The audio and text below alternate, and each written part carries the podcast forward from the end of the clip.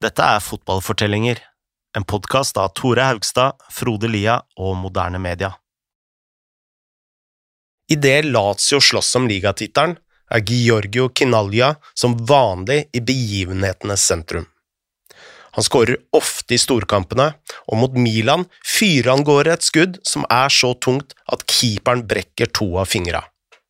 Men all oppmerksomheten skaper problemer for Kinalja utenfor banen og når noe alvorlig skjer med Mastrelli, klarer verken han eller lagkameratene å være seg selv.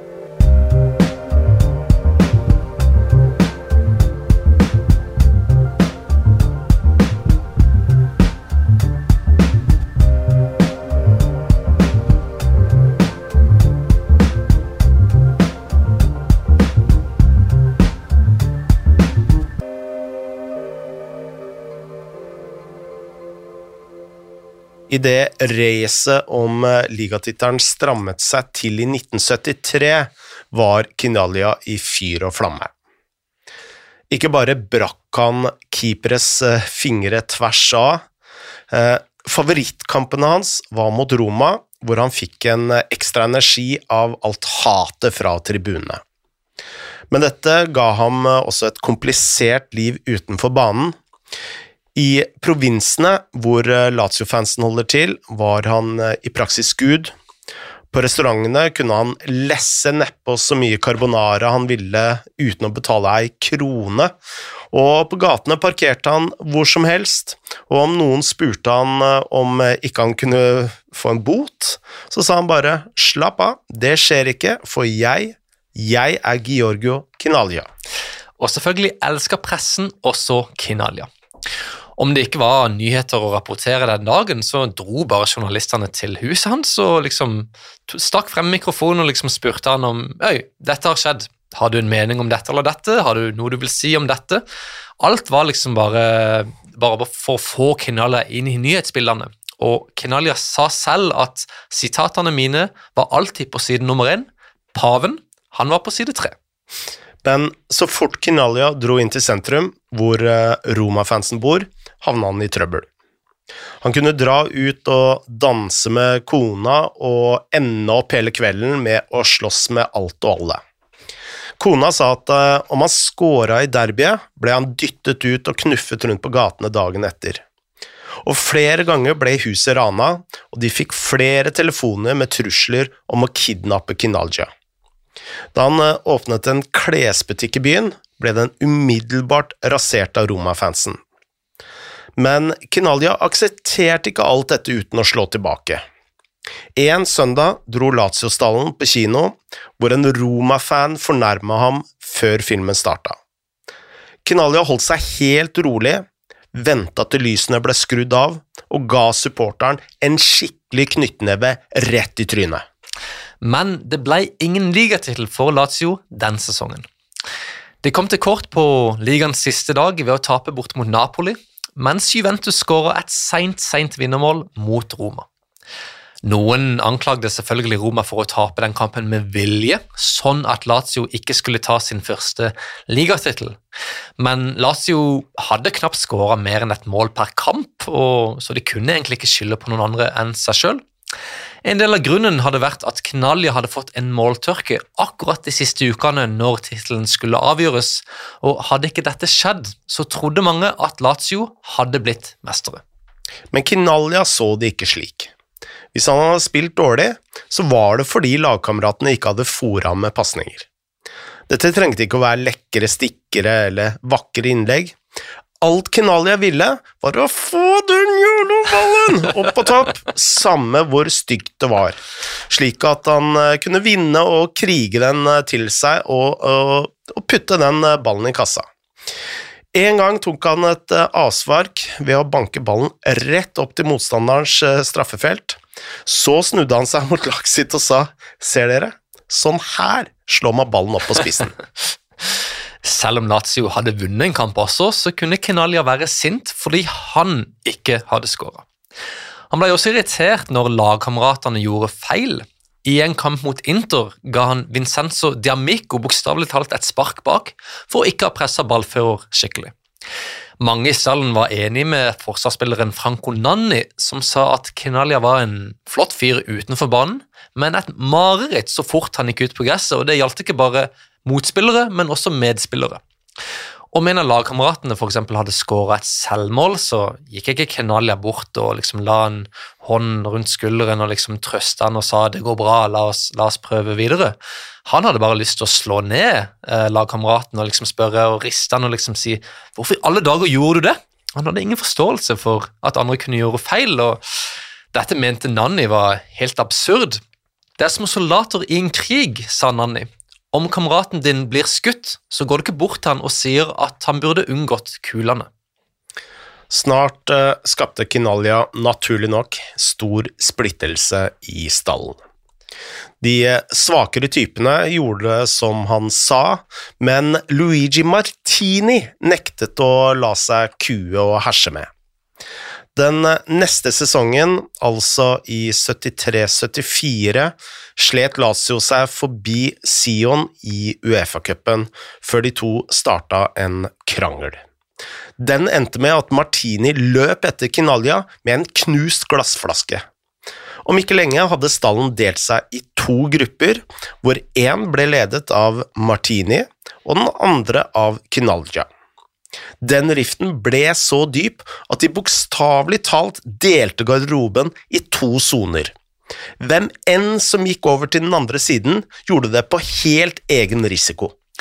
En gang skjedde nettopp dette. Keeperen Pulici gikk inn etter å ha gjort litt ekstra trening og trodde at alle spillerne hadde gått hjem til, til seg. Men plutselig så han Martini stå og tørke håret foran speilet i såkalt feil sone, eller kanskje rød sone på den tida. Du skal ikke være her, ropte Polucci til uh, Martini og dro ut kontakten til hårføneren. Da grep Martini tak i ei glassflaske som lå ved siden av, knuste den mot vinduet og dytta den skarpe enden av flaska opp mot halsen til Polucci. Sånn sto de fryst i flere lange sekunder før Martini endelig gikk ut. Denne spenningen viste seg også på treningsfeltet. På torsdager spilte Lazio internkamper som var så intense at de kunne vare til det blei mørkt. Diplomaten Mastrelli prøvde å få slutt på kampene når resultatet var uavgjort, eller når Kinalia nettopp hadde scora, slik at han kunne gå inn mot helgen med stor selvtillit.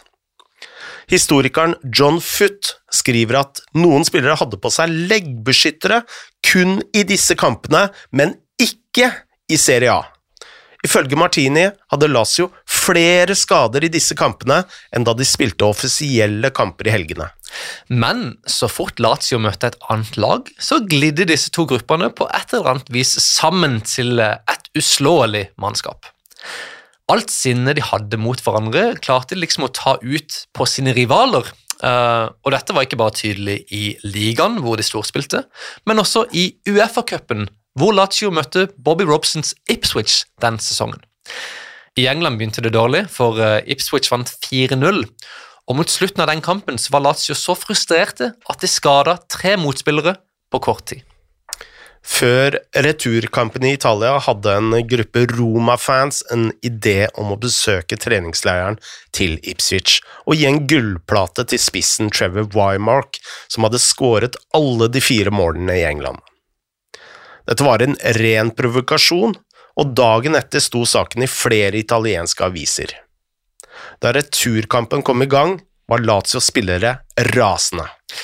Så det første som skjedde i den kampen, var selvfølgelig at en lang ball ble spilt opp til nettopp Wymark, som fikk et slag rett i hodet. Jeg vet ikke om det var en albue eller knytteneve, men han fikk beskjeden. Lazio skåra så to mål og var i ferd med å hente dette opp igjen, før dommeren Leo van der Croft nekta å gi de straffe. 20 minutter senere gjorde han vondt til enda verre ved å gi Ipswich en straffe som var tvilsom. Da kokte det over for Latios fans og spillere, og det var så mye frem og tilbake at ballen ble flytta fra straffemarket fire ganger før sparket ble tatt.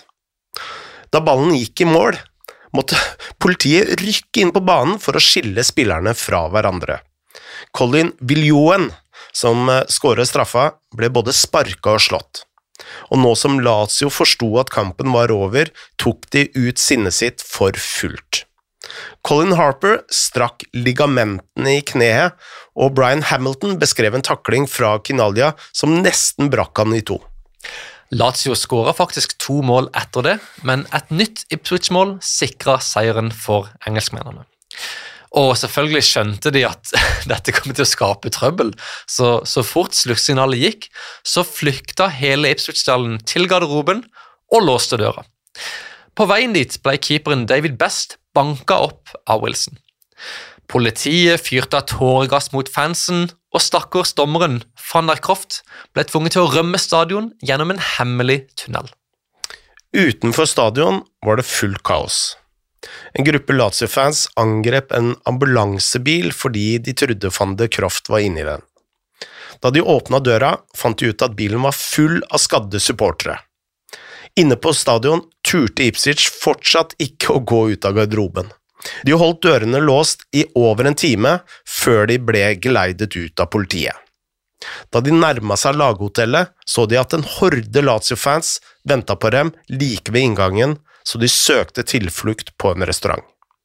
Ikke før klokka tre på natta turte spillerne å vende tilbake til hotellet. Denne skandalen var så stor at Uefa stengte Lazio ute fra europeiske turneringer i tre år, en straff som senere ble redusert til ett år. Men de hadde ikke tid til å bekymre seg over dette her. I Serie A meldte de seg snart på i en ny tittelkamp.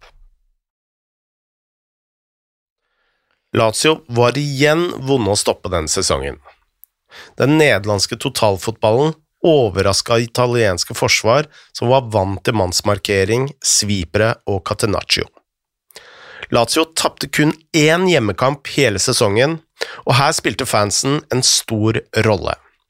En gang lå de under 2-1 mot Verona til pause. Mastrelli sløyfet hele pausepraten og ba dem gå rett ut igjen på banen. Mens de sto der og venta, ble fansen først forvirra, men så begynte de å synge og heie som gale. Da Berona endelig kom ut på gresset, ble de sjokkert av den vanvittige stemningen. Lazio skåret to mål på seks minutter og vant 4-2. På ligaens nest siste dag visste Lazio at de kom til å vinne tittelen om de slo Foggia hjemme. Spillerne var selvfølgelig nervøse, og selv fansen var ikke like høylytte som normalt. Og Det ble en sånn typisk tittelkamp hvor det var 0-0 til pause, og ja, spillerne var litt sånn spilte med litt høye skuldre. Men så fikk Lazio en straffe som Kinalia skåra på, og da dommeren blåste av kampen, invaderte fansen banen i ren jubel. Kinalia hadde skåra 24 ligamål og ble med det Lazios første toppskårer i Serie A siden Piola i 1943. Men dette var først og fremst en seier for Mastrelli, som hadde ført en voldelig og splitta stall til toppen av italiensk fotball. Selv Luigi Martini sa at triumfen tilhørte Maestrelli. Den neste sesongen ble vanskeligere for Lazio. Kinalgia var blitt Italias fiende nummer én fordi han hadde fornærma landslagstreneren i løpet av VM den sommeren, i en turnering hvor Italia røket i gruppespillet bak Argentina og Polen. Lazios eh, spillere merka også at Mastrelli tilbrangte uvanlig mye tid like ved siden av ovnene for å holde seg varm. Og i mars fant de ut hvorfor. Mastrelli hadde magekreft. Nyheten traff spillerne knallhardt, og neste kamp tapte Lazio 5-1. Uten en frisk Maestrelli var det ingen som kunne holde spillerne i sjakk, og snart begynte laget å falle fra hverandre. Sommeren 1975 var han for syk til å kunne fortsette. Frustralupi og Nanni ble solgt, og Kinalja ville bort, nærmere bestemt til New York Cosmos, uten at han fikk ja til dette fra Lazio-styret.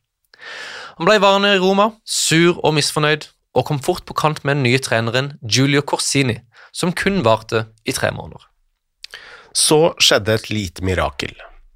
Mastrelli tok jobben tilbake mot alle odds, men spillerne kunne se at han ikke var den samme som før. Han var i ferd med å tape kampen mot kreften, og det påvirket hele laget, spesielt Kinalgia. Mot slutten av sesongen dro Kinalgia endelig til New York Cosmos på et tidspunkt hvor Lazio kjempet mot nedrykk. De overlevde til slutt, men kun på målforskjell. Mot slutten av kalenderåret ble Mastrelli mer og mer stille. Han flytta inn i en klinikk like over treningsfeltet, så han kunne se laget spille. I desember 1967 døde han. En knust Kenalja flydde over fra New York til begravelsen, hvor han var en av de som bærte kista. En måned senere ble laget rammet av en ny tragedie. Re Cecconi gikk inn i en gullsmed og bestemte seg for å ha det litt gøy. Han tok hånden i innerlomma og ropte Stopp, dette er et ran! Før han fikk sagt noe mer, tok eieren fram en pistol og skjøt ham. Idet han falt ned på gulvet, stammet Re Cecconi at det kun var en vits. En time senere var han død. Dette Lazio-laget kjempa aldri mer om en Serie A-tittel igjen. I 1980 rykka de ned til Serie B for, uh, for å ha vært involvert i en kampfiksingsskandale. Flere spillere dro, og ifølge FUT var det kun Diamico som skulle få en lang og suksessrik karriere i Italia. Da Frusta Lupi døde i en bilulykke i 1990, så begynte flere å si at det lå en slags forbannelse over Lazios mesterlag. Men Kinalja levde i flere år til. I 2000 stemte fansen ham fram som klubbens beste spiller gjennom tidene. Da han døde av et hjerteinfarkt i 2012, i en alder av 65, flommet det over av hyllester. Han ble begravd i Roma, like ved siden av Mastrelli, treneren han alltid anså som sin far.